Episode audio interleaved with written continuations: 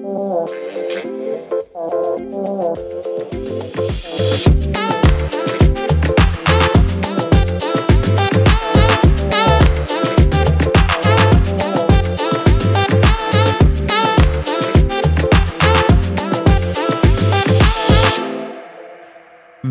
lieve luisteraars, bij een nieuwe aflevering van Aan de Man Brengen.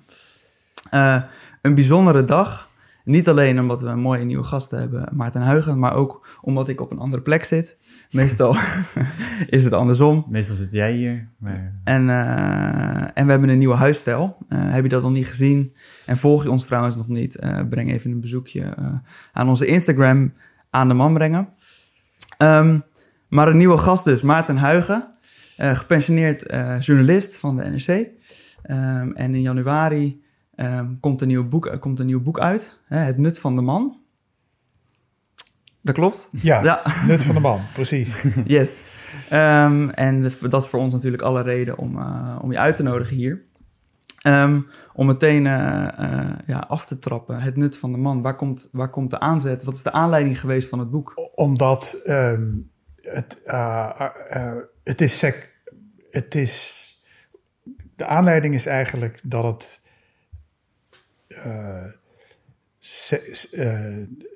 Het is seksistisch. Het is, uh, anti, het is antiseksistisch om iets positiefs over de vrouw te zeggen. Maar het is seksistisch om iets positiefs over de man te zeggen.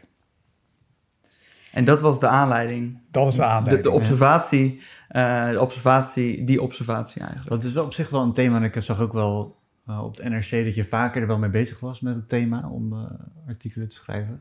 Is het iets wat je altijd al aansprak, het verschil tussen hoe het aangesproken Ja, ja omdat, nou, mij heeft de vrouwenemancipatie altijd aangesproken. Omdat eigenlijk van alle bewegingen die ik heb gezien, in mijn leven, mm-hmm. wat al, zich al wat langer uitstrekt, hè, over 67 jaar, dat um, dit de meest continue uh, emancipatiebeweging is. Er zijn allerlei emancipatiebewegingen afgebroken. En dit, is eigenlijk, dit was eigenlijk al aan de gang voordat ik. Uh, dit is eigenlijk in de 19e eeuw zo'n beetje begonnen, systematisch. En het uh, gaat nu nog steeds door.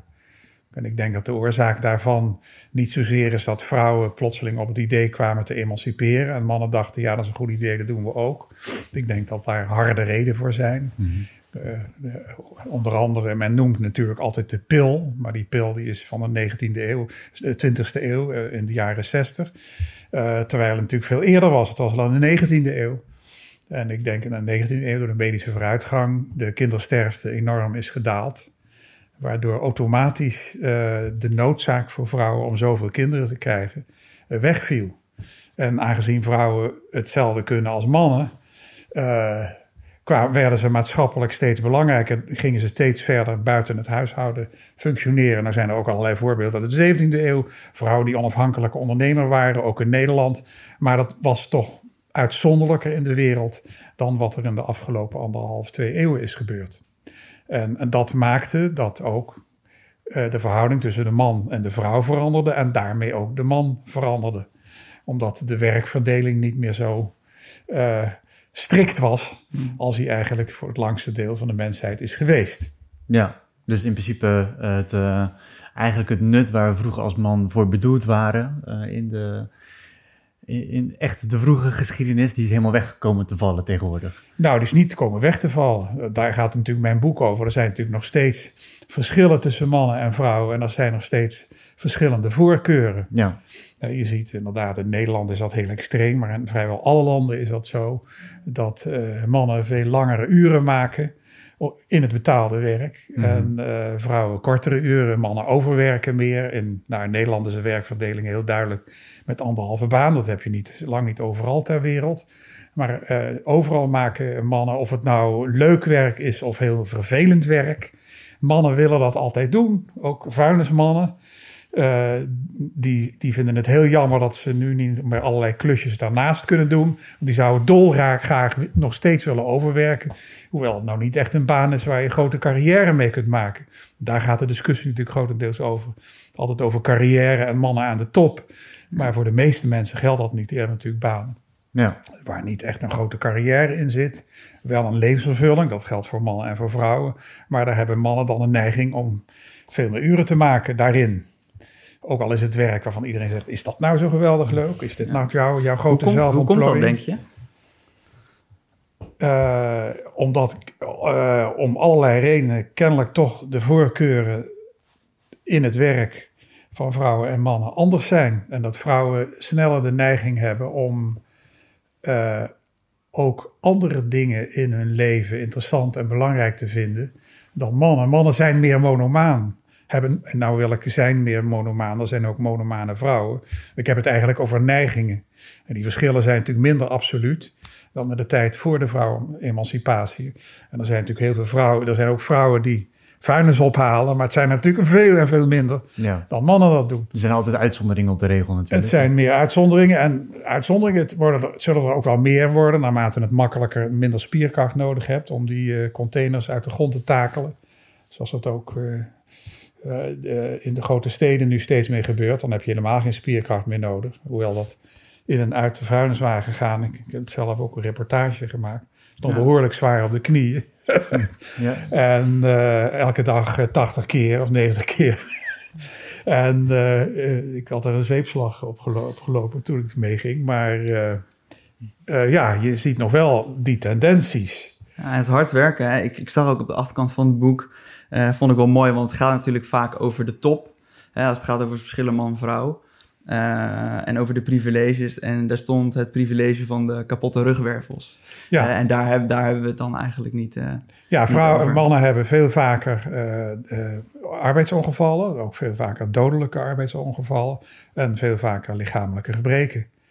En je ziet het verschil ook in pensioen. Dat is natuurlijk een oudere generatie. Want je ziet het in de jongere generatie wel meer veranderen. Eh, je ziet meer mannen ook meer in het huishouden doen. Maar je ziet vooral bij men, eh, oudere generatie, eh, mannen hebben veel grotere problemen als ze met pensioen gaan dan vrouwen dat hebben. Omdat vrouwen een veel breder leven hebben. En, en het komt ook steeds vaak, nog steeds veel va- vaker voor dat vrouwen zeggen: het werk, mijn leven is niet het werk. Ik wil ook meer dan dat. Vrouwen die carrière maken zoals Vroonhoven, ehm, hoe heet ze nou ook alweer, van Vroonhoven, die eh, eh, topvrouw was van eh, de ACM, Merel van Vroonhoven, en die plotseling onderwijzer is geworden. Die had topbanen in Nederland, een van de grootste topbanen, het regelen van eh, economische verkeer, van, van het concurrentie in de financiële markten. En plotseling heeft ze die baan opgezegd en is eh, een PABO-opleiding gaan doen. Dat zie je bij vrouwen veel meer, ook internationaal. Ik Ja, vind het wel interessant eh, wat je zegt, want ik heb er daar zelf nog nooit zo over nagedacht. Eh, dat mannen ook meer moeite hebben na een pensioen om, ze, om een draai te vinden, omdat ze dus ook zo monomaan zijn geweest Juist. in hun carrière. Daar heb ik Ja. eigenlijk nooit zo over nagedacht, maar Ja. dat, dat kan wel kloppen inderdaad. En ja, want vrouwen hebben toch vaker meer vriendinnen, een sociale leven, Ja. en eh, bestaat Nou ja. uit meerdere facetten. Ja, de vriendschappen van de mannen zijn wat oppervlakkiger vaak. Vrouwen hebben vaak wat meer intieme vriendschappen. Dus mannen zijn ook beter in grootschalige vriendschappen. Dus in groepen met een duidelijke hiërarchie. Dat heeft ook voordelen voor grote ondernemers, nemingen. En er zijn veel vrouwelijke ondernemers, maar dat is veel vaker kleinschalig. Terwijl eh, mannen veel beter zijn in het opzetten van grote ondernemingen. Nou ja, het leger is ook zo georganiseerd. Ook met een hele duidelijke hiërarchie. Dus ook een voetbalclub die ik portretteer in mijn boek. Daar, is er een vrouw, daar zijn ook vrouwen aan verbonden, één als trainster. En die zeggen dan ook vaak, ja, bij vrouwengroepen heb je veel gauwer, al zijn conflicten minder gauw beslecht. Het, het gaat veel langer door. Het Ja. zeurt veel langer door voor het is opgelost. En bij mannen hebben ze even ruzie en dan is het afgelopen. Dit zei mij trouwens ook een vrouw die, eh, die zit aan een eh, economische hogeschool van hoofdzakelijk mannen. En die vond dat heel makkelijk. Die moest dat wel even leren. Die manier van doen, die, die hele directe manier van praten en ook die manier van jezelf oppompen, een beetje bluffen. Hmm. Meer, meer beweren dan je zelf kunt. Terwijl vrouwen altijd wat meer verlegener zijn. En echt heel lang gaan nadenken, kan ik dit eigenlijk wel? En vrouwen moeten dat ook leren in trainingen. Als ze naar de top gaan, dan moeten ze dit mannengedrag een beetje leren. Dat ze niet te onzeker zijn over zichzelf. Mannen hebben meer de neiging om iets te doen wat ze eigenlijk niet, misschien helemaal niet zo goed kunnen. maar waar ze gewoon aan beginnen. Ja, van nature, hè, dat zie je ook terug in het uh, testosteron, die daadkracht Ja. en uh, Risicobereidheid ja, natuurlijk. risicobereidheid, ja. En die, de monomanie heeft ook eh, een compenserende werking. Dus natuurlijk een enorme achterstand eh, in het onderwijs eh, bij mannen, wereldwijd ook. Doen Hmm. Vrouwen, zodra ze de kans krijgen, doen ze het beter. Heeft waarschijnlijk toch te maken met, met een tragelijk, tragere ontwikkeling eh, van mannen. Ehm, dat ze eh, wat la- het langer duurt voor ze oud worden. Ik heb dat zelf ook meegemaakt. Meisjes in mijn eigen klas, die waren een stuk verder lichamelijk dan ik dat was. Ja, vond ik altijd heel vervelend ook, Ja, eh, vroeger. Dat ik altijd eh, ja. verliefd werd op de eigen leeftijd, maar ze zagen mij niet staan, want ze waren altijd met de oudere jongens. Oudere jongens bezig, ja. ja. En ze waren gewoon lichamelijk verder. Ja, En dat betekent ook dat die jongens meer moeite hebben met schoolwerk. En dat ze eigenlijk toch behoorlijk achterliggen in het middelbaar onderwijs, terwijl meisjes dat prima voor elkaar hebben. Maar op de een of andere manier hebben jongens ook door die monomanie, als ze nadat hun, ook als ze dus geen hoger onderwijs hebben, die monomanie is, is behoorlijk compenserend voor dat nadeel. Ze storten zich op één ding en dat is het dan. En daar, daar gaan, dat gaan ze helemaal perfectioneren. Ze zijn alleen daarmee bezig. ja. Zoals ik ook een, eh, iemand ken, die, eh, een, eh, ook iemand die ik in het boek beschrijf, die eigenlijk eh, heel slecht in taal was. Nog steeds zegt hij. Hij schrijft, hij kan nog steeds heel slecht spellen. Hij heeft een technische opleiding gedaan. Hij had een landelijke prijs gewonnen voor schakelingen. Mhm. Maar uiteindelijk was het toch niet zo'n succes met het onderwijs. En hij is uiteindelijk een slagerszaak begonnen. En die slagerszaak neemt hij over. Nou, als je bij hem staat, is hij alleen maar met dat vlees bezig. Ik kan nauwelijks met hem spreken. hij, kan, hij is zo bezig met die slagerij. En dan staat hij achter, staat hij al die recepten te bereiden. Dat is vrij ingewikkeld. Een rollade, weet ik, weet nu precies hoe dat gemaakt wordt. En ondertussen kijkt hij voor in de zaak of, het, of er nog mensen komen, of daar nog iets gedaan moet. Het was heel moeilijk om hem tijdens het werk te spreken. Is dat een gemis, eh, denk je? Of is, is het dan in de aard van het beestje? Of is het ook een, eh, een gemis dat, dat, dat die oogkleppen eigenlijk van de man... eh, ja, die oogkleppen van de man. Het is een gemis en het is Ja. een voordeel. Ja, Het is een gemis en een voordeel. Daardoor zal hij een hele, een hele goede slager worden. Een prijswinnende slager, maar het heeft ook een nadeel. ja, Want hij is alleen daarmee bezig, grotendeels daarmee bezig. Dat heeft best nadelen. ja, Dus er zijn andere dingen waar hij wat minder met zijn hoofd dan in kan. Dat is ook voortdurend thuis natuurlijk ook altijd eh, waar vrouwen heel vaak over klagen. Eh, ik moet, oké, die man die doet al het een en ander, maar ik moet het allemaal plannen. Ik moet het allemaal in mijn hoofd houden. Ik moet nu eh, gaan plannen. Er moet een cadeautje komen voor een kind, eh, voor, voor, eh, een vriendin van mijn dochter. En ja, daar moet een cadeautje voor zijn. Dat moet ik gaan organiseren, want die man die denkt daar helemaal niet aan. Omdat die man die is alsmaar bezig met dat werk. ja. Of met, met die dingen waar hij mee bezig is. Ja. Dus in zekere zin een grotere ja, monomanie, een grotere eenzijdigheid. ja. En in, in janu- januari komt het boek uit.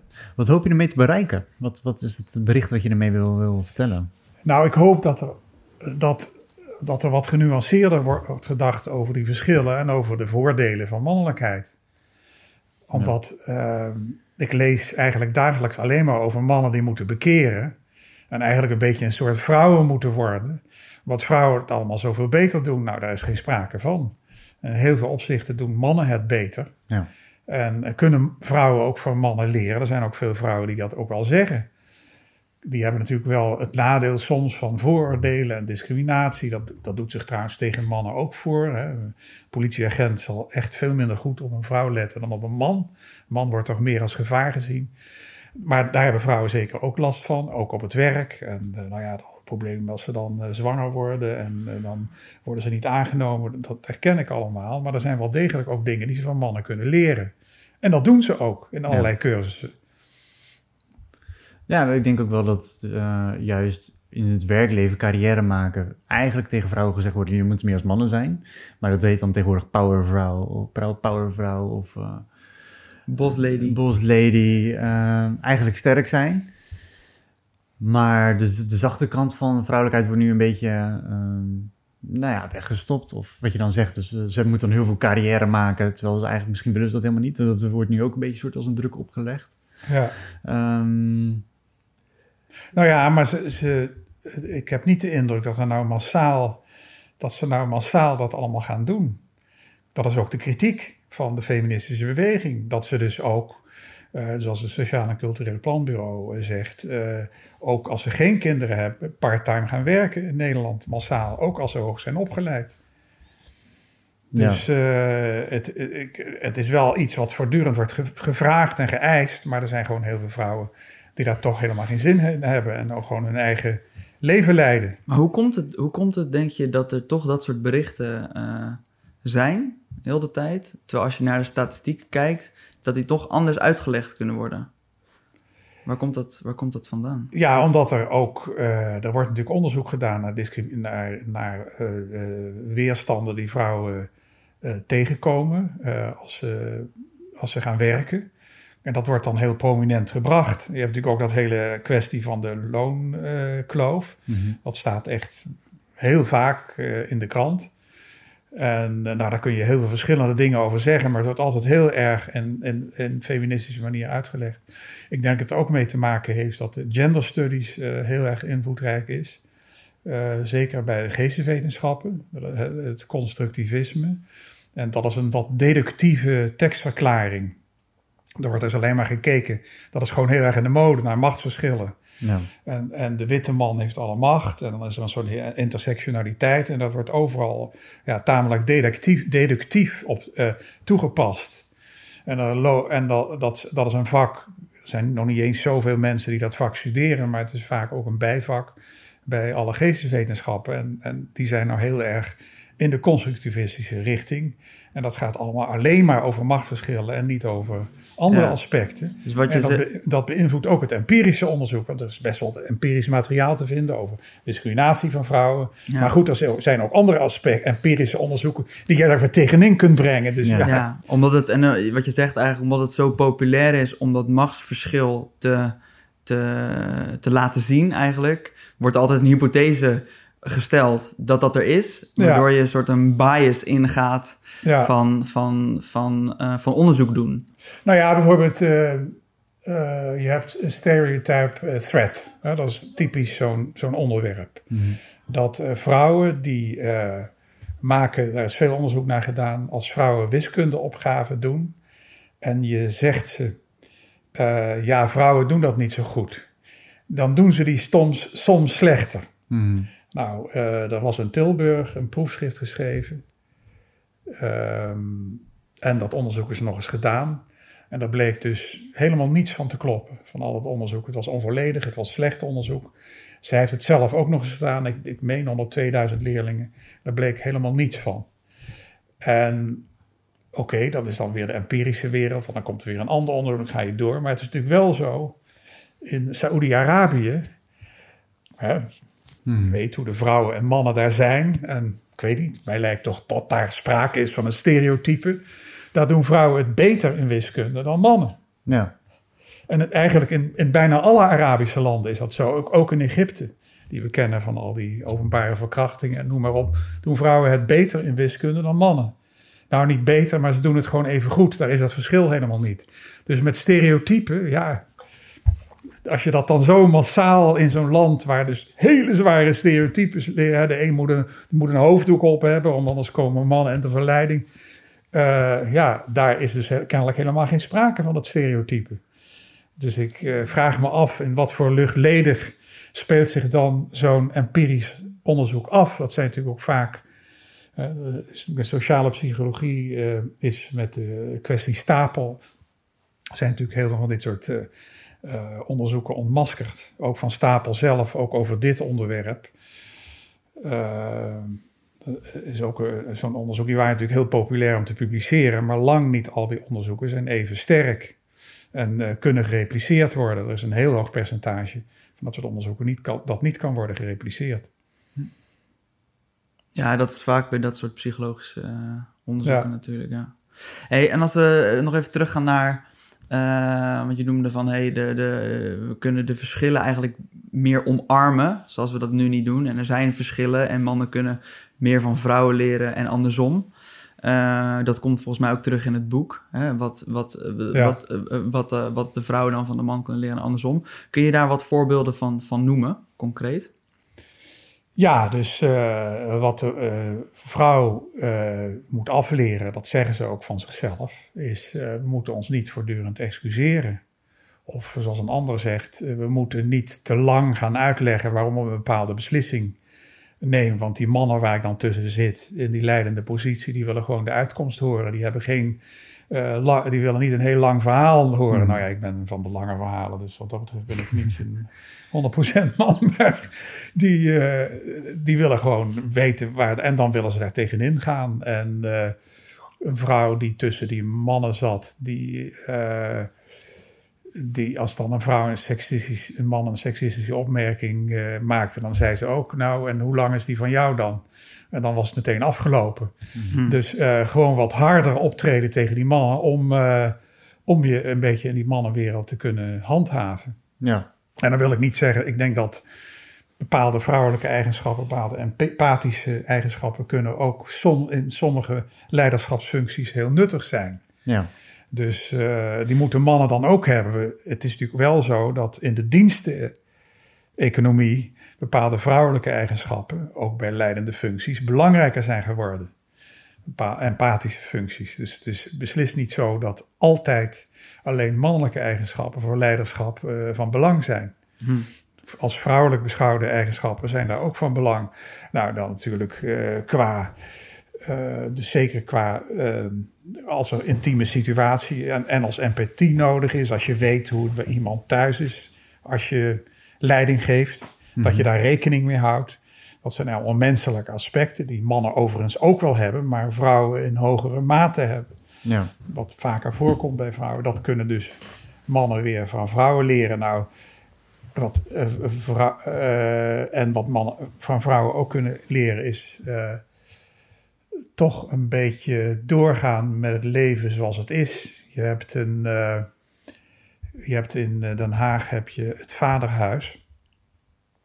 Eh, dat was natuurlijk vooral bij mensen met een migratieachtergrond, eh, die, eh, die werk doen, vaak niet zo goed kunnen lezen. daar heb je natuurlijk veel werk van de gemeente voor vrouwen met een achterstand. Vrouwen die thuis gehouden worden door hun mannen. Nou ja, allerlei misstanden. Maar er zijn ook allerlei misstanden met mannen. Er zijn ook vrouwen die vaak, vaker scheiden van mannen die eigenlijk uit het buitenland komen. Die vrouwen wonen dan hier. Komt een man uit het buitenland en, en dan gaan ze scheiden. En dan uh, zijn die mannen die zijn helemaal niet in staat om een gewoon huishouden te voeren. En dat leren ze allemaal in dat uh, vaderhuis. En ook om een betere vader te zijn. Ja. Dat is een, op zich hebben die mannen even goed dat werk nodig als vrouwen. mannen raken ook eerder in de problemen. Het grootste deel van de daklozen zijn mannen. Het grootste deel van de criminelen zijn mannen.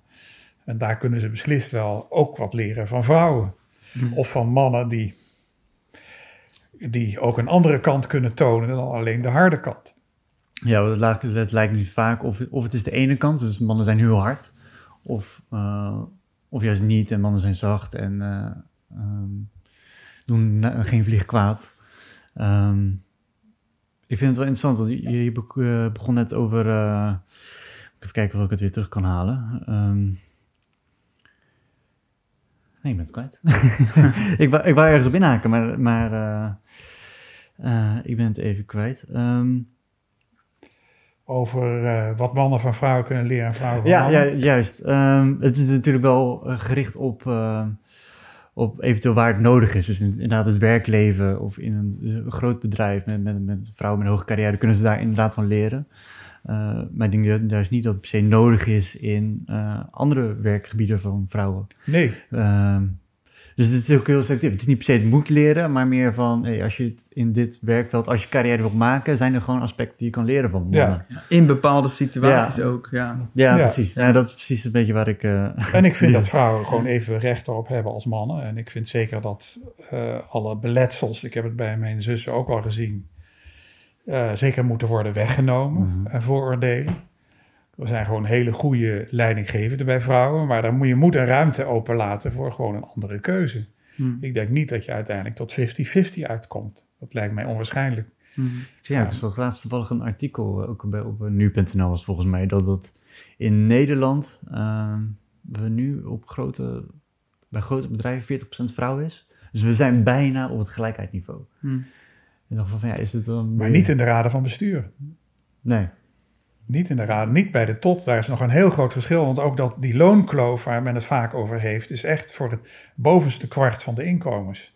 Ja. Dus als je die loonkloof wegneemt, zullen de meeste vrouwen daar niets van merken. Ja. Maar eh, de top zal er zeker, nou ja, de, de hoogste kwart is nou niet echt wat je noemt de, top. Er zitten heel veel gewone banen bij, Mhm. waarvan je denkt, oh, die zitten in de bovenste kwart. Maar eh, het, het driekwart van de, van de vrouwen zal daar weinig van merken. Sterker nog, omdat ze eh, volgens TBS netto verdienen ze vaak zelfs meer dan mannen. Ja. Omdat mannen veel meer belasting betalen. Ja. En dan heb ik het ook over loonkloof van gelijk werk. Er is natuurlijk ook de loonkloof van in het algemeen. Dat komt ook omdat vrouwen weer andere carrières kiezen dan mannen. Eh, dus die kiezen vaak in de zorg en het onderwijs. Eh, als jij in een bedrijf werkt wat enorm veel winst maakt, dan st- stuwen die inkomens vanzelf omhoog. Maar in een sector waar de productiviteit nooit stijgt, zoals in de zorg als het onderwijs, waar je gewoon heel veel mensen voor nodig hebt, daar gaan die inkomens niet vanzelf omhoog. Nee. Ja, je merkt ook, eh, Dat- Jordan Peterson die haakt het ook vaak aan, dat dat... ehm, dat er zijn onderzoeken, bijvoorbeeld in Scandinavische landen, is natuurlijk, eh, daar staat gendergelijkheid al best wel veel verder dan de meeste landen. Dat juist daar vrouwen veel meer kiezen voor Vrouwenbanen. vrouwen, vrouwenbanen ja, ja, en mannen voor... ja. Net zoals in Nederland hoor. Dus eh, misschien het moeten van elkaar leren is ook misschien van, het mag ook gewoon jezelf blijven. Dus je mag vrouwelijk blijven, maar dan, ja, dan is de kans groter dat je eh, eerder zal gaan kiezen voor, voor, voor functies die daarbij passen. En dat is oké. Ja, en, we, en, we, en, en zo van, we willen dus sturen op iets wat niet is. Ja, tegen Eh, want de als je in. helemaal loslaat, dan kiezen, dan kiezen ze toch... Ja, dat is een Eh, gendergelijkheidsparadox. Ja. dat is een Ja. gendergelijkheidsparadox. In landen die eh, egalitairder zijn, dat is precies ook het voorbeeld van die wiskunde. In eh, de exacte vakken moet je vooral in de minder egalitaire landen zijn. Vrouwen die beta-studies gaan doen. In egalitaire landen hebben ze, ja, zijn ze minder geïnteresseerd in beta-studies dan in minder egalitaire landen. En dat Ja. is een hard feit. Dan zijn er ook nog allerlei ehm, onderzoek gedaan naar psychologische verschillen. En die zijn in de Big Five, en dat zijn de belangrijkste karakterkenmerken. Daar zie je ook in egalitaire landen grotere verschillen dan in eh, niet-egalitaire landen. Dus Ja. eh, Wat is de, de Big Five? Wat, eh, de, de, de Big Five, dat is onder andere zorgvuldigheid, neuroticisme. Bij vrouwen is dat groter. mhm. Vriendelijkheid is bij vrouwen ook meer. Openheid voor nieuwe ervaringen heb je dan bij mannen meer. Maar dat is, dat is wat minder significant. En vooral eh, dat neuroticisme, dus overbezorgdheid, vind je veel meer bij vrouwen dan bij mannen. Dat, dat, dat heb je dus ook in de discussies van... je zit jezelf voortdurend te rechtvaardigen, doe het gewoon. Dat is typisch een neurotische persoonlijkheid. Ik vind het ook over het algemeen... als je grofweg de verschillen zit, ziet tussen mannen en vrouwen... hebben eh, ook in de richtlijnen voor... ehm, van de eh, Amerikaanse Vereniging voor Psychologen... Hè, waar eh, mannelijke ideologie, een giftige mannelijkheid enzovoort... dan kun je grofweg zeggen... de vrouwen hebben meer de neiging om hun onmin op zichzelf uit te leven. Die worden depressief. Mannen hebben meer de neiging om hun onmin, hun problemen op de buitenwereld op te leven. Uit te leven. Door vuurwerk af te steken. door weet ik wat. Voor, met tractoren over het, eh, in Den Haag te gaan rijden. Over het Malieveld. Door op een spectaculaire manier altijd hun, hun ongenoegen uit te leven. Terwijl vrouwen dat meer op zichzelf eh, betrekken. Dat is wel een, wel een vrij grof verschil tussen beide. Ja. En beide is eh, destructief. Soort, het is niet goed Beide of- is destructief, ja, Dus het, ja. het is ook niet daar goed of fout. Ja. En ook trouwens, als ze, als ze hun, hun ongenoegen uitleven door een nieuwe software te ontwikkelen, dan zou ik zeggen, nou mooi, ja. om een prachtig schilderij te maken. Ja. Ook prachtig. Maar vuurwerk af te steken eh, en eh, stenen door ruiten te gooien en zo, en, eh, een, gang, een gang te vormen, nee, dat is natuurlijk niet zo mooi. Mhm. Nee. En eh, we hebben het nu heel erg over de, de, ha- over, over de harde cijfers ook. Hè? En ook eh, op het werkveld.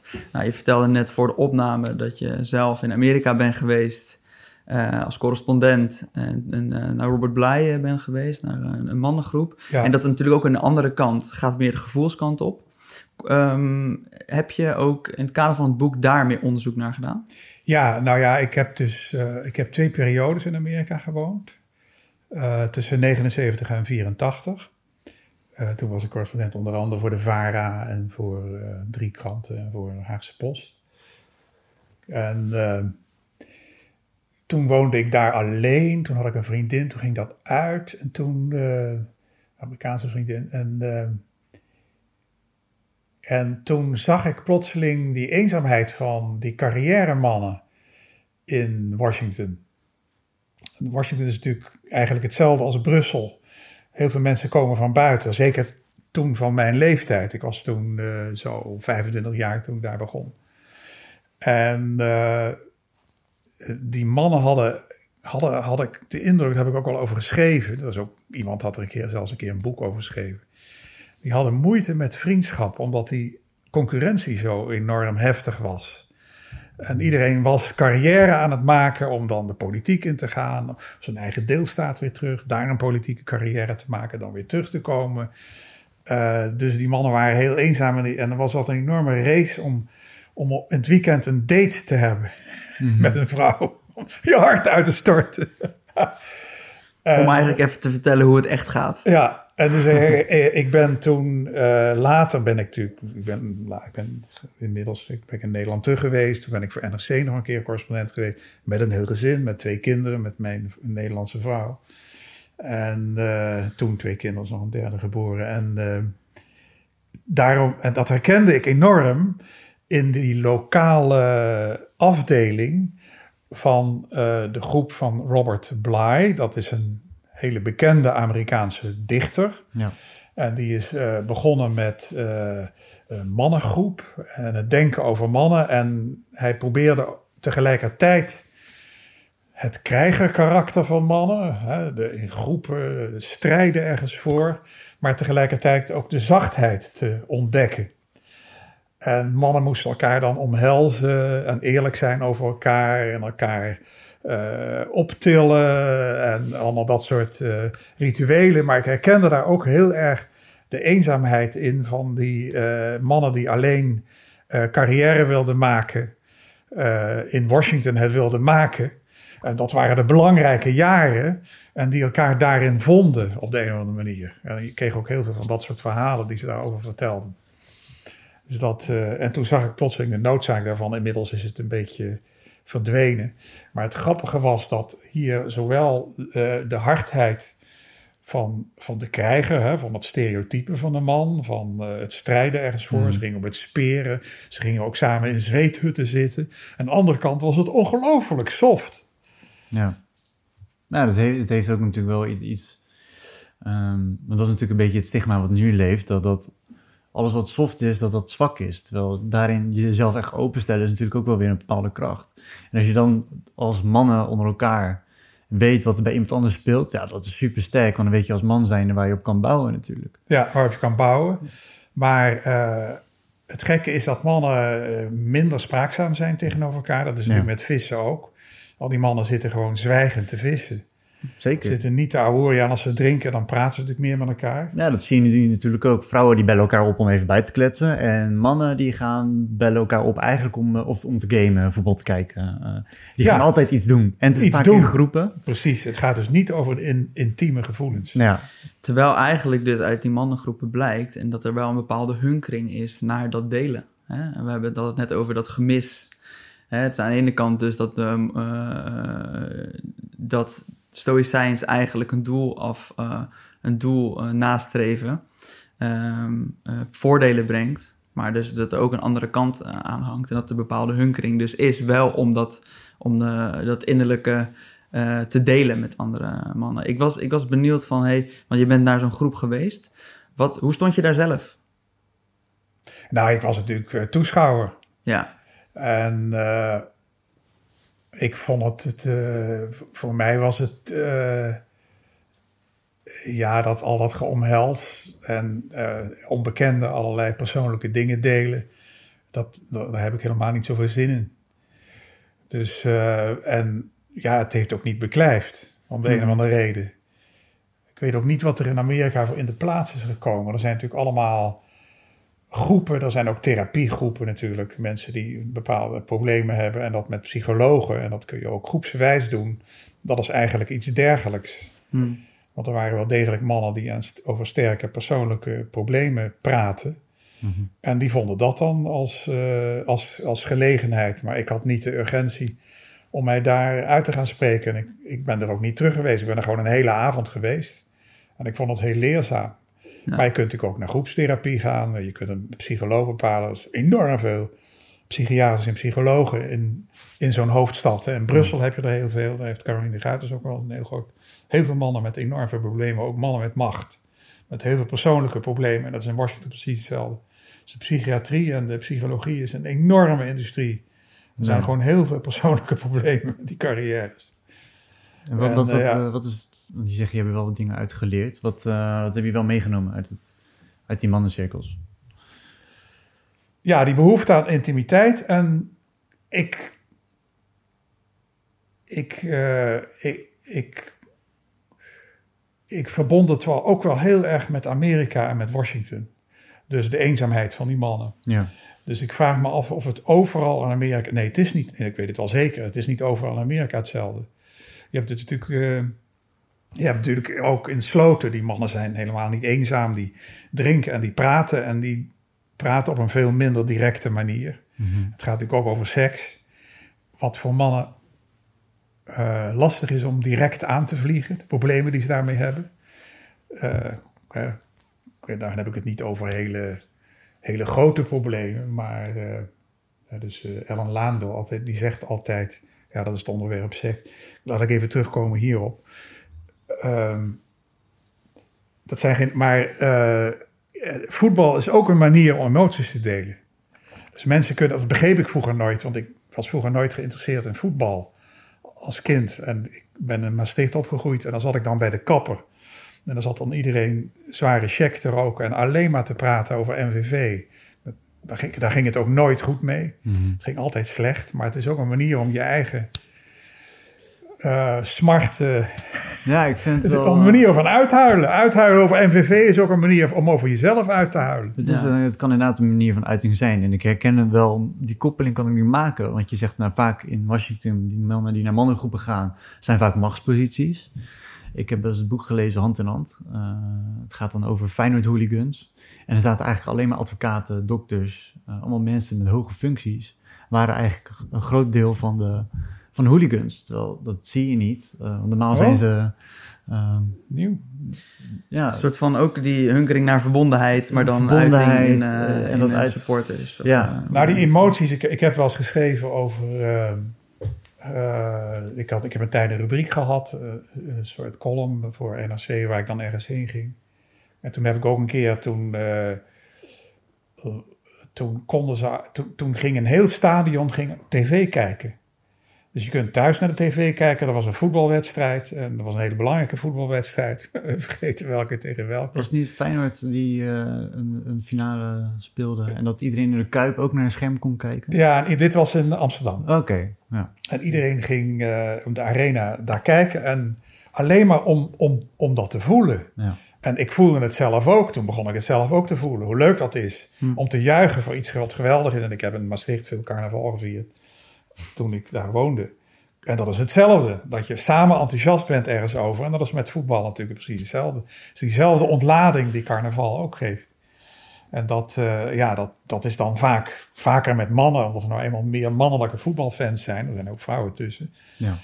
En eh, ja, dat is, dat is een manier van emotionele ontlading. En het praten daarover is ook, lekker, ook heel emotioneel. Want wat ze zeggen is vaak verschrikkelijke open deuren.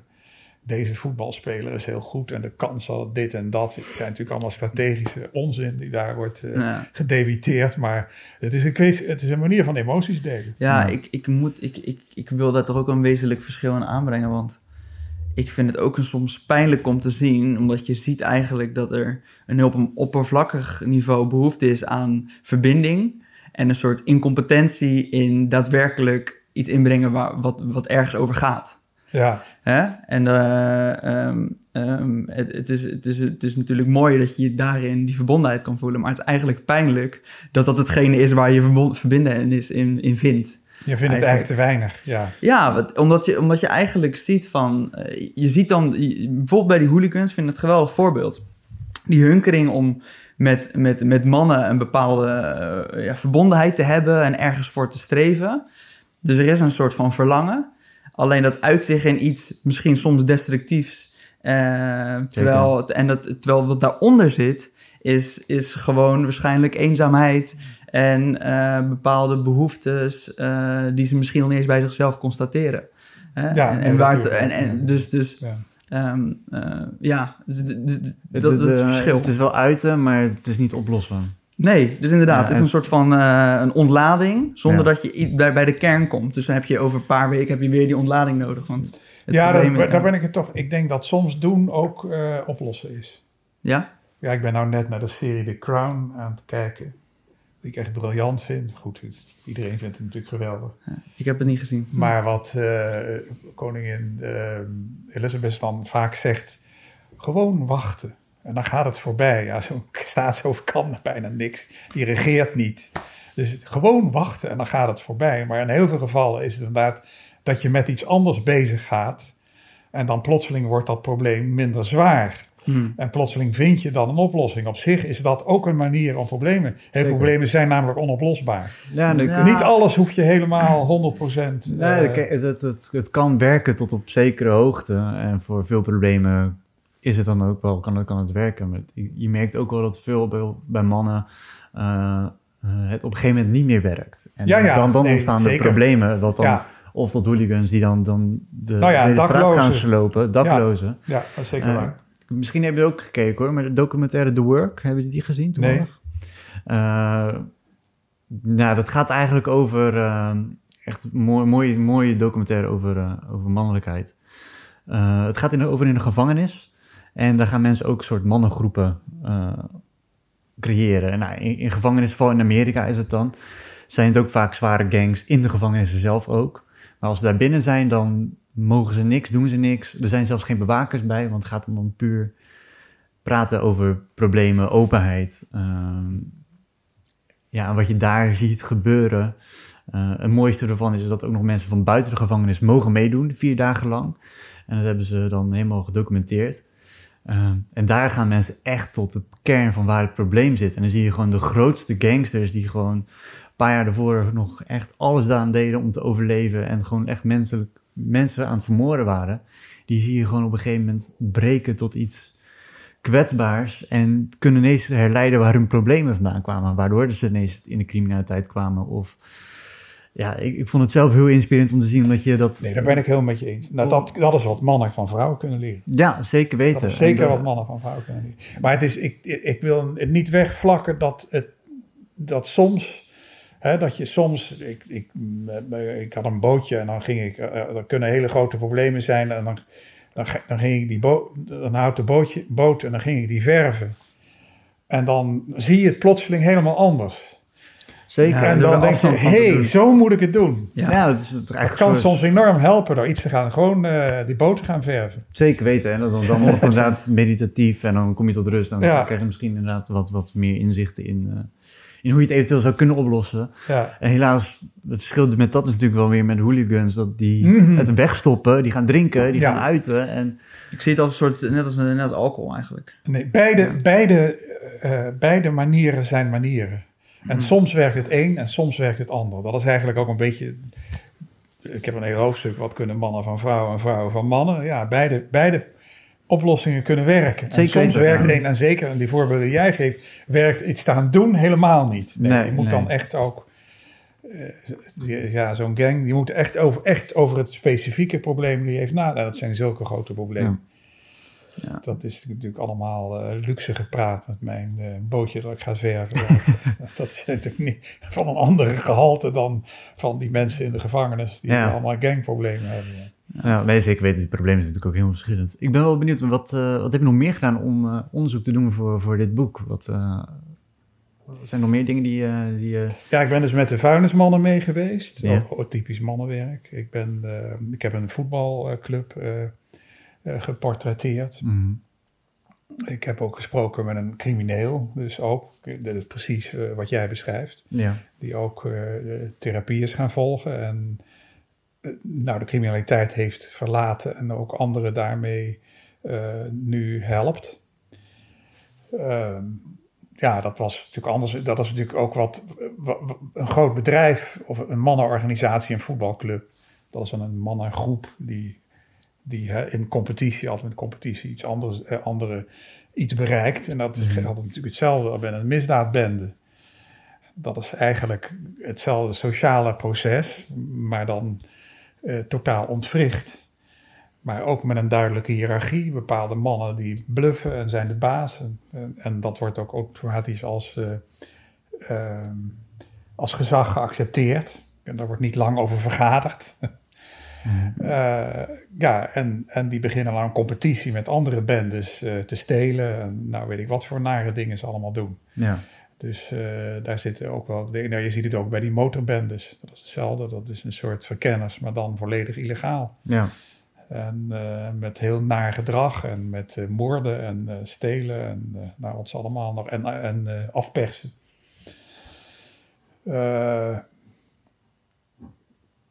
Nou, dat vriendschap heb ik zo gedaan. En eh, eh, Je wil ook naar een nagelsalon, heb je die kant ook... eh, Ja, dat, dat, leek me nog wel interessant om te vragen vrouwen te spreken over waarom ze zo weinig werken. Ja.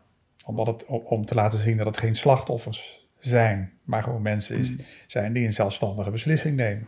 Die een bepaalde voorkeur hebben, die je niet aan mannen kunt verwijten. Nee. Heb je al veel eh, weerstand eh, gevoeld op het boek en in het proces van, van ja, toch de, de ideeën die nu veel, eh, veel rondgaan? Nou, er zijn veel vrouwen die zeggen. ehm, oh, het nut van de man, ja, is dat soms tong in cheek? Wat is het? Is dat soms ironisch? Ja, ja. Het nut van de man. Hmm. Of het nut van de man. Ja, dat is er helemaal niet. Ja. Dat soort opmerkingen kreeg ik wel vaak. En, en ook eh, eh, vooral vrouwen hè, die dan zeggen... ja, dan moet je dus vooral vrouwen spreken.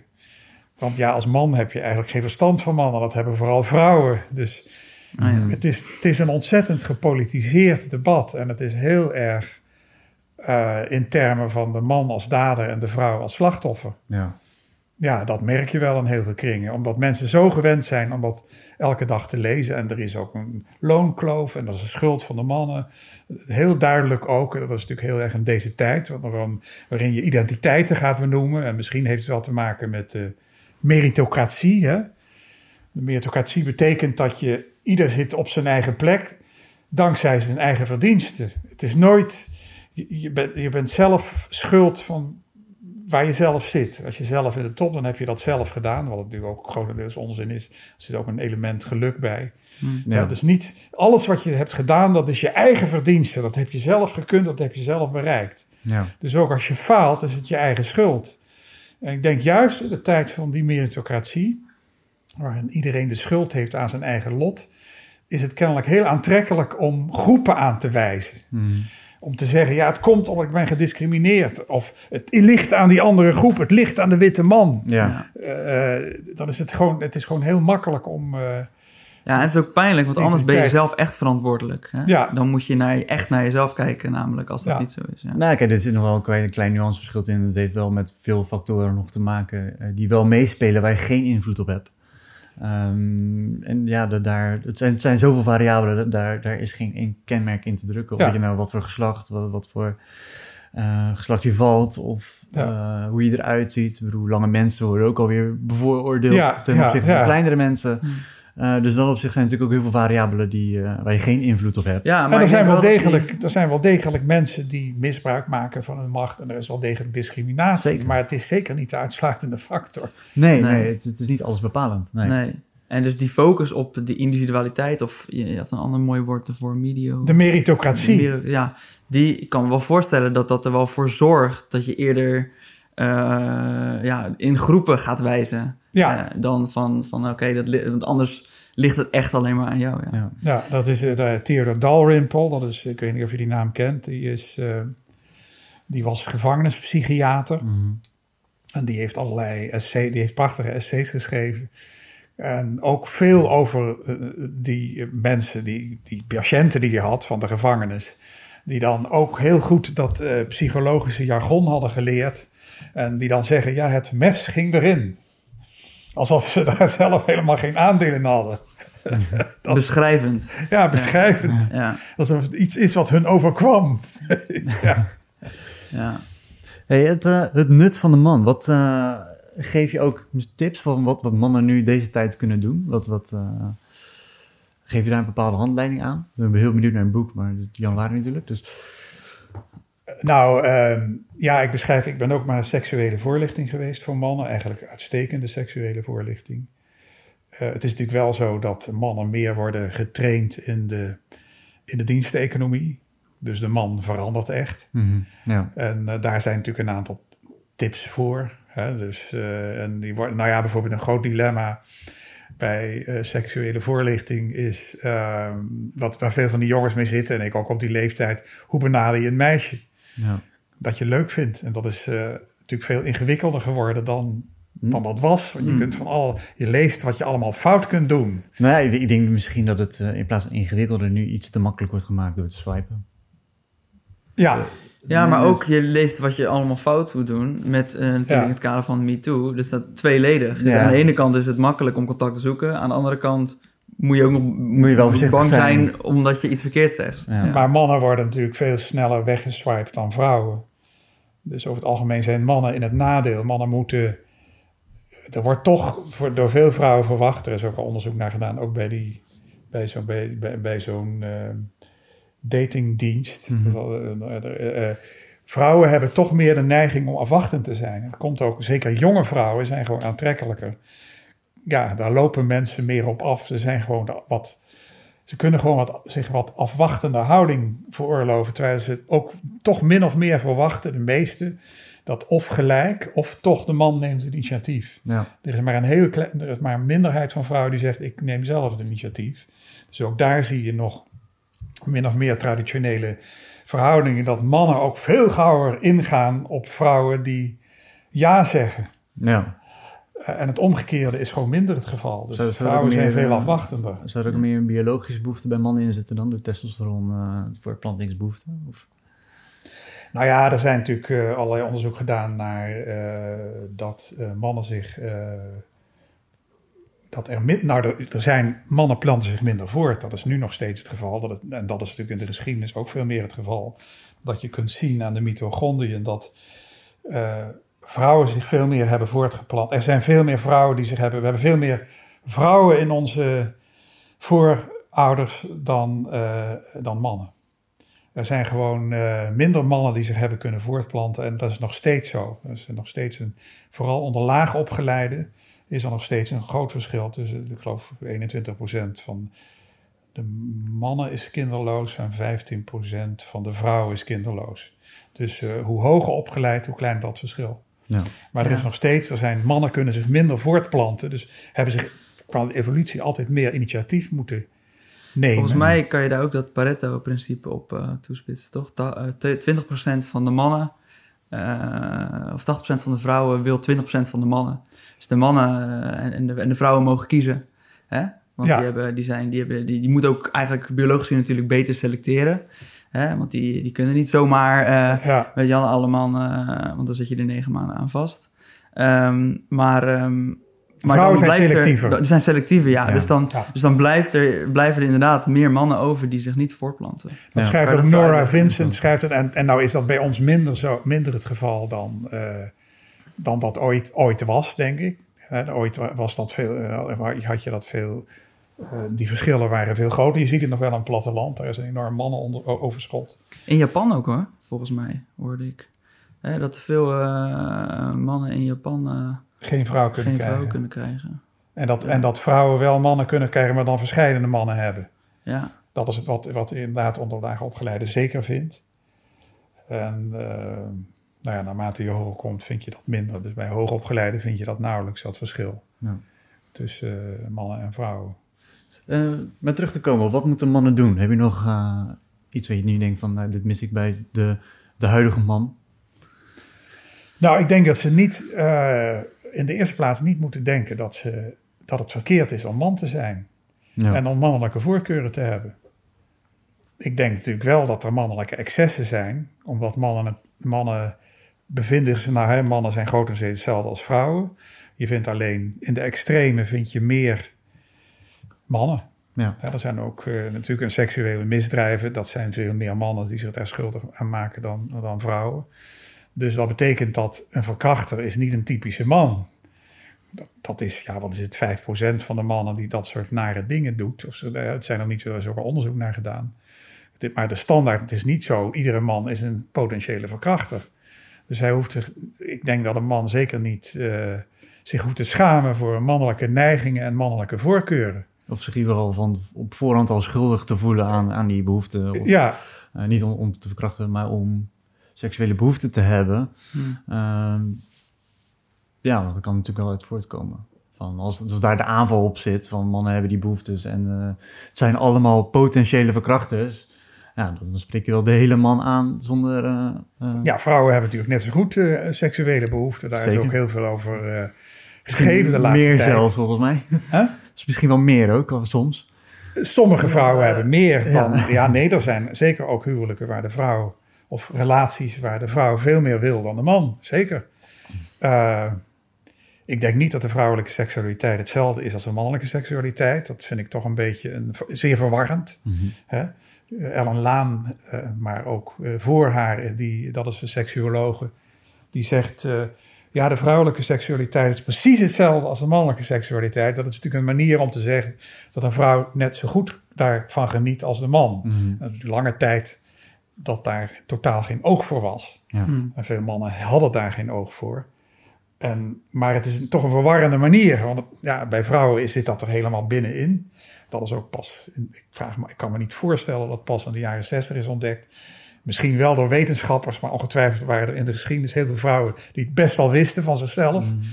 Eh, ik kan me niet voorstellen de eerste vrouw die een groot orgasme van binnen, eh, dat dat ergens in de 1960 was. Dat kan ik me gewoon niet voorstellen. Maar eh, nou ja, in ieder geval is het wetenschappelijk ontdekt en is het daarvoor door wetenschappers volledig genegeerd. van de NSC. Hè? Vrouwen kunnen ook orgasmes hebben. Ja.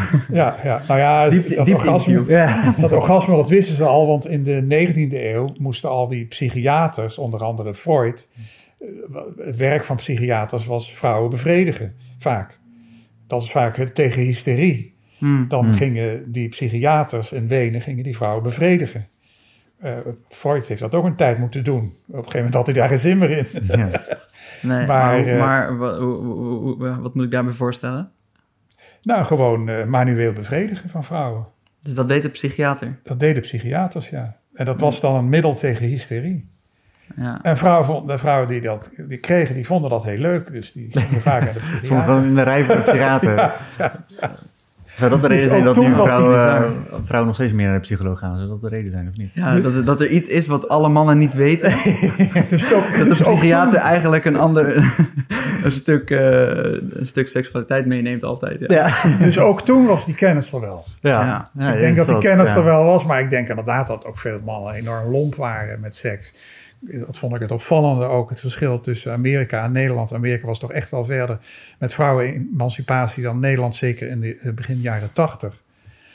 Dat eh, Amerikanen toch veel meer wisten van seks gewoon Ja. dan modaal van mijn leeftijd eh, in Nederland. Ja. Hm. Dat, eh, dat, dat was gewoon toch verder.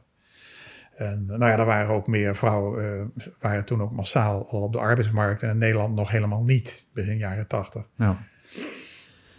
Als je, eh, je, je, je slipt er net doorheen, je zei 67 jaar ben je? Ja, Ehm, als je kijkt naar de jeugd toen en nu, en dat op het gebied van mannelijkheid. Hoe, eh, wat, wat zijn daar de concrete verschillen? Je denkt van, nou, eh, nou de concrete verschillen is wel dat mannen gewoon veel meer zijn gaan doen in het huishouden. Ik zie ook veel meer eh, maar echt naar de jeugd. toen Ik, ik- de jeugd, ja. Ja. Ja, de jeugd. Ja? Ik zie veel meer twee keer vier dagen. Ja. Dus mannen zijn nog meer betrokken bij hun kinderen. Dus je ziet dat echt opschuiven. Mannen zijn ook veel banger om verkeerde opmerkingen te maken over vrouwen. Ja. is veel gevoeliger voor seksistische opmerkingen. Eh, dat is enorm veranderd. En dat is bij de jongere generatie nog veel sterker. En zeker bij hoogopgeleiden. maar ook wel bij middenopgeleiden heb ik ook al gesproken. Maar die nu al heel erg bewust bezig zijn met hoe gaan wij het werk verdelen als we kinderen willen krijgen. Ik was er eigenlijk ook wel mee bezig in die tijd, omdat ik in, uit Amerika kwam. Maar uh, dat zie je gewoon veel meer bij de jonge generatie. Ja. Dus uh, al die dingen die men, waar men boos over is, dat mannen allemaal verkeerd doen, dat doen mannen tegenwoordig, minder, jonge mannen minder verkeerd dan oudere mannen. Ja. Dat, dat, dat vind ik wel een, een, grote. En dan heb je natuurlijk ook nog bij de jonge generatie een totale radicale uh, macho-beweging. Mm. De incels, dat is natuurlijk wel een krankzinnig excess. Dat zijn helemaal niet zoveel mensen. Daar is heel veel aandacht voor. Hè, van een extreem mannelijk narcisme. Ja. Uh, wat uh, meent recht op te hebben op seks met een vrouw. Ja, dat zie je natuurlijk ook. Dus de extreme kanten van de mannelijkheid zie je ook bij jongeren. dat zie je ook bij de partij van Thierry Baudet. Ja. daar vind je dat Erkenbrand, Thierry Baudet zelf, die heeft daar ook wel mee geflirt. Dus dat zie je ook bij de jongere generatie. Beetje die macho is. De extreme kant, ja, ja. En ik weet, het zijn nog niet eens zo macho. Het zijn ook uh, mannen die je theoretisch... Want ik denk dat die incels, dat dat lang niet altijd van die macho-types waren. Dat waren ongetwijfeld mannen die zich helemaal niet uiten. En van wie je het niet zouden verwachten. En plotseling een pistool gingen kopen met een mes. En, en uh, hele onopvallende types. En uh, van ja, jarenlang, wat jarenlange onderdrukking van het gevoel kan doen. Hè? En die echt een gesprek met de psycholoog en de psychiater nodig hadden. En ook inderdaad ook wel uh, misschien les hadden kunnen hebben in de seksuele voorlichting. Hoe moet ik een meisje benaderen? Ja. Er zijn ook wel een heel grappig boek geschreven door Inti Chavez Perez en Zweet. Echt ook heel grappig hoe je dat moet doen. Hè? Op een hele, van ga gewoon meer met zo'n meisje om. Maar ja, goed, op een gegeven moment, veel meisjes willen uiteindelijk met jou niet verder. Een blauwtje lopen is heel gewoon. Dat zeggen ze ook bij die seksuele voorlichting. Ja, als jongen zul je nou eenmaal meer moeten accepteren en vaker uh, meer moeten ja, incasseren. Ja. Zul je vaker blauwtjes moeten lopen. Dat is heel grappig dat uh, Nora Vincent, uh, dat is een, een, Amerikaanse schrijfster, die heeft een boek geschreven over. Ehm, die, heeft zich, die heeft een jaar lang al als man verkleed. Om te kijken hmm. hoe het toen was.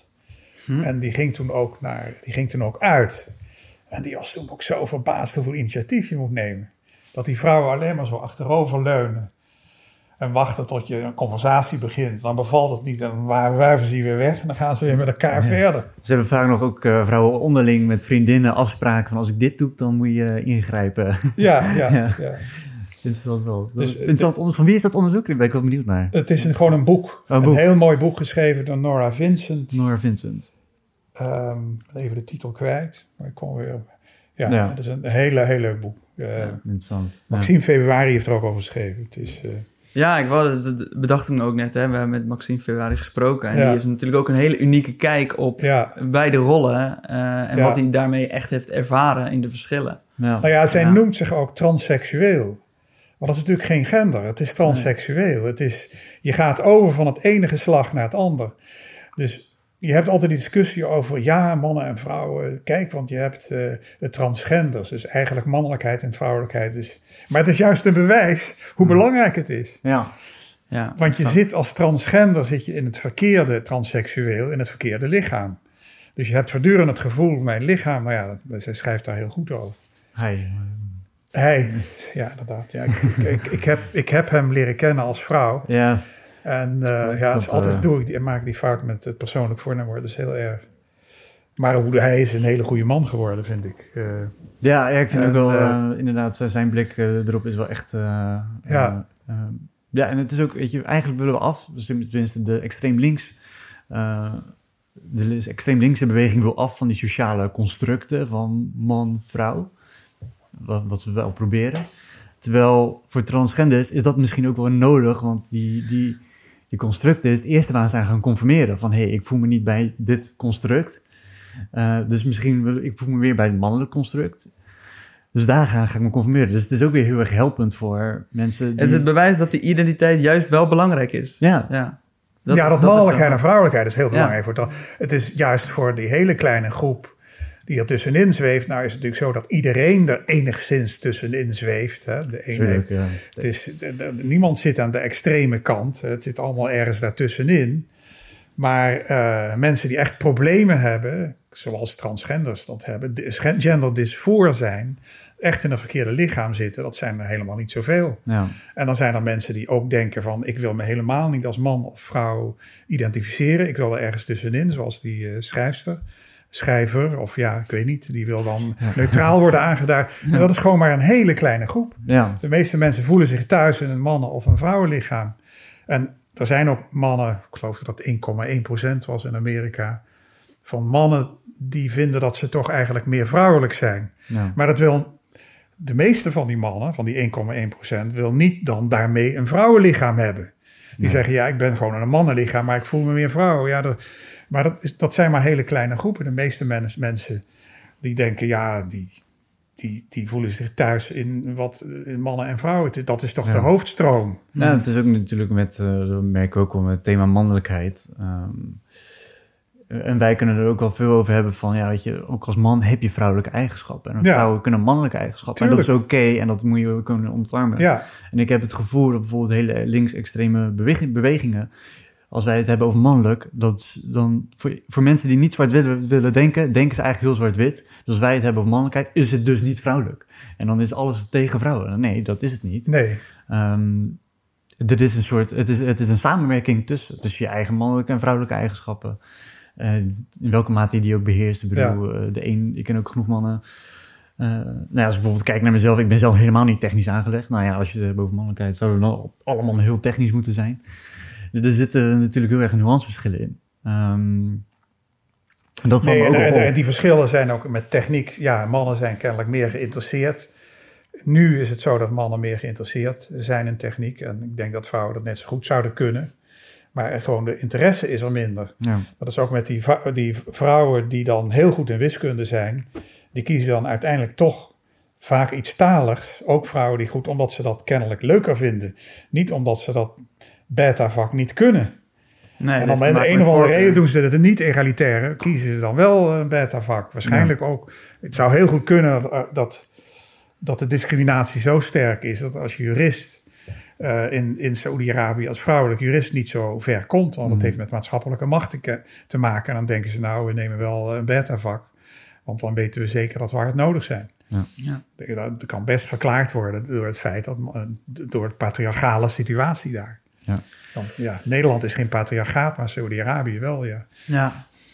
En ehm, als je kijkt naar heel het proces, hè, het, het onderzoek naar het boek, ehm, wat, is, wat is je conclusie? Je conclusie eh naar aanleiding van het boek. Nou ja, de conclusie is dat je je niet hoeft te schamen voor mannelijkheid. En dat mannelijkheid eh, een hele waardevolle eh, eigenschappen bezit. En dat mannen ook hele waardevolle dingen doen. ja. Hè, dus de vuilnis ophalen, eh, risico's nemen, Stralen Eh, leggen. nieuwe grote bedrijven. Ze hebben wat, wat, wat is het, de patenten. Het zijn de 90% van de patenten wordt door mannen. Dat is nog steeds zo. En dat kan misschien wel veranderen. Maar nu is dat zo. Ja. Dan kun, kun je niet zeggen, ja, 90% van de patenten. Dat is fout. Want 10% doet maar de vrouw. Ja, nou wacht even. 90%. Die patenten zijn heel waardevol. Ook Ja. voor vrouwen, voor iedereen. Dus eh, eh, dat is mijn conclusie. Dat mannen heel veel waardevolle dingen doen. En dat je dat niet. Dat je het niet kunt verwijten dat het vooral mannen zijn die dat doen. Ja. Dat, je moet beginnen met te zeggen dat zijn hele waardevolle activiteiten. En vrouwen zijn ook welkom om zich in die wereld te begeven. En het is belangrijk dat we ook alle discriminerende discriminatiepraktijken wegnemen. Maar het zijn op zich waardevolle activiteiten. En het is waardevol dat mannen dat doen. En mannen die eigenschappen hebben. En dat mannelijkheid ook veel eh, positieve kanten kent. ja. Mooi. Mooi. Wanneer komt het boek uit? Eh, januari, ik weet nog niet precies welke dag. Het is Mhm. nu met productie mee. Dus we zien wel. Spannend. We, Volgens mij is er wel al een link eh, eh, waar je hem kan reserveren, toch? Op bol.com. Oh, je kunt reserveren. Oh, volgens, mooi. Volgens mij wel. Ik, eh, ik zal de Oh, link... dat ga ik eh, toesturen, ja. ja, ik zal de link wel... eh, ik had volgens mij zag ik Stuur hem me al staan. ik zag hem aantal staan. mensen vroegen dat. Ja? Oh ja, ik Ja. zag het wel staan. Want ik, De, want, op bol.com kan je hem pre-orderen Ja, volgens mij. Dus- we Oh, hebben hem ook ik al een- op de website, zullen we hem eh, Ja. ook... eh, Oh, is een zetten. website gezet. Oké, Ja. wat goed. nee, dat gaan we doen bij de aflevering. Zetten we ook de link naar, naar het boek in ieder geval. Dus kunnen Oh, mensen hem al Dank je. pre-orderen. Ehm, en als laatste afsluitende vraag. Wat, eh, wat zou jij de hedendaagse man nu nog eh, mee willen geven als een, als een laatste tip of conclusie? Eh, Wees een man als je daar zin in hebt. Helder. En wees een man als je daar zin in hebt. Mooi. Staan er nog mooie dingen op de planning voor jou nu, eh, als het boek af is? Ja, over hele andere dingen. Iets met onderwijs en zo. Helemaal klaar met dat thema. Ja, misschien in mannen zijn er ook nog activiteiten. Maar ik heb nu niet specifieke mannenactiviteiten. Ik ben een tijdje lang onderwijsredacteur geweest. Ook in dat onderwijs zijn een aantal dingen, ontwikkelingen die voor mannen minder gunstig zijn, denk ik. De wanorde in de klas is, lijkt mij voor mannen minder gunstig. Ja. Dat vrouwen veel meer zelfwerkzaamheid en meisjes. De Nederlandse klassen zijn over het algemeen nogal... en pas de laatste tijd begint men erachter te komen... dat het toch wel handig is om een beetje orde in de klas te hebben. En eh, dat hele nieuwe leren lijkt me ook eh, voor jongens die leerproblemen hebben... minder gunstig dan voor eh, Hm. meisjes. Maar- dus meer het onderwijsstuk, meer dus uitdiepen. ja, daar ben ik aan de FC heb ik nog geschreven. Daar, daar ga ik nog iets mee doen, ja. Mooi. Oké. Nou, heel veel succes daarmee eh, dan. En eh, in ieder geval heel erg bedankt voor je komst. Ja. Interessant. We zijn benieuwd naar het boek. Zeker. En eh, voor de luisteraars, eh, bedankt voor het luisteren. Volg je ons nog niet op Instagram? eh, doe dat eventjes eh, aan de man brengen. En eh, voor alle andere afleveringen, artikelen en, eh, en mooie dingen... ga je naar www.aandemanbrengen.com. Adios.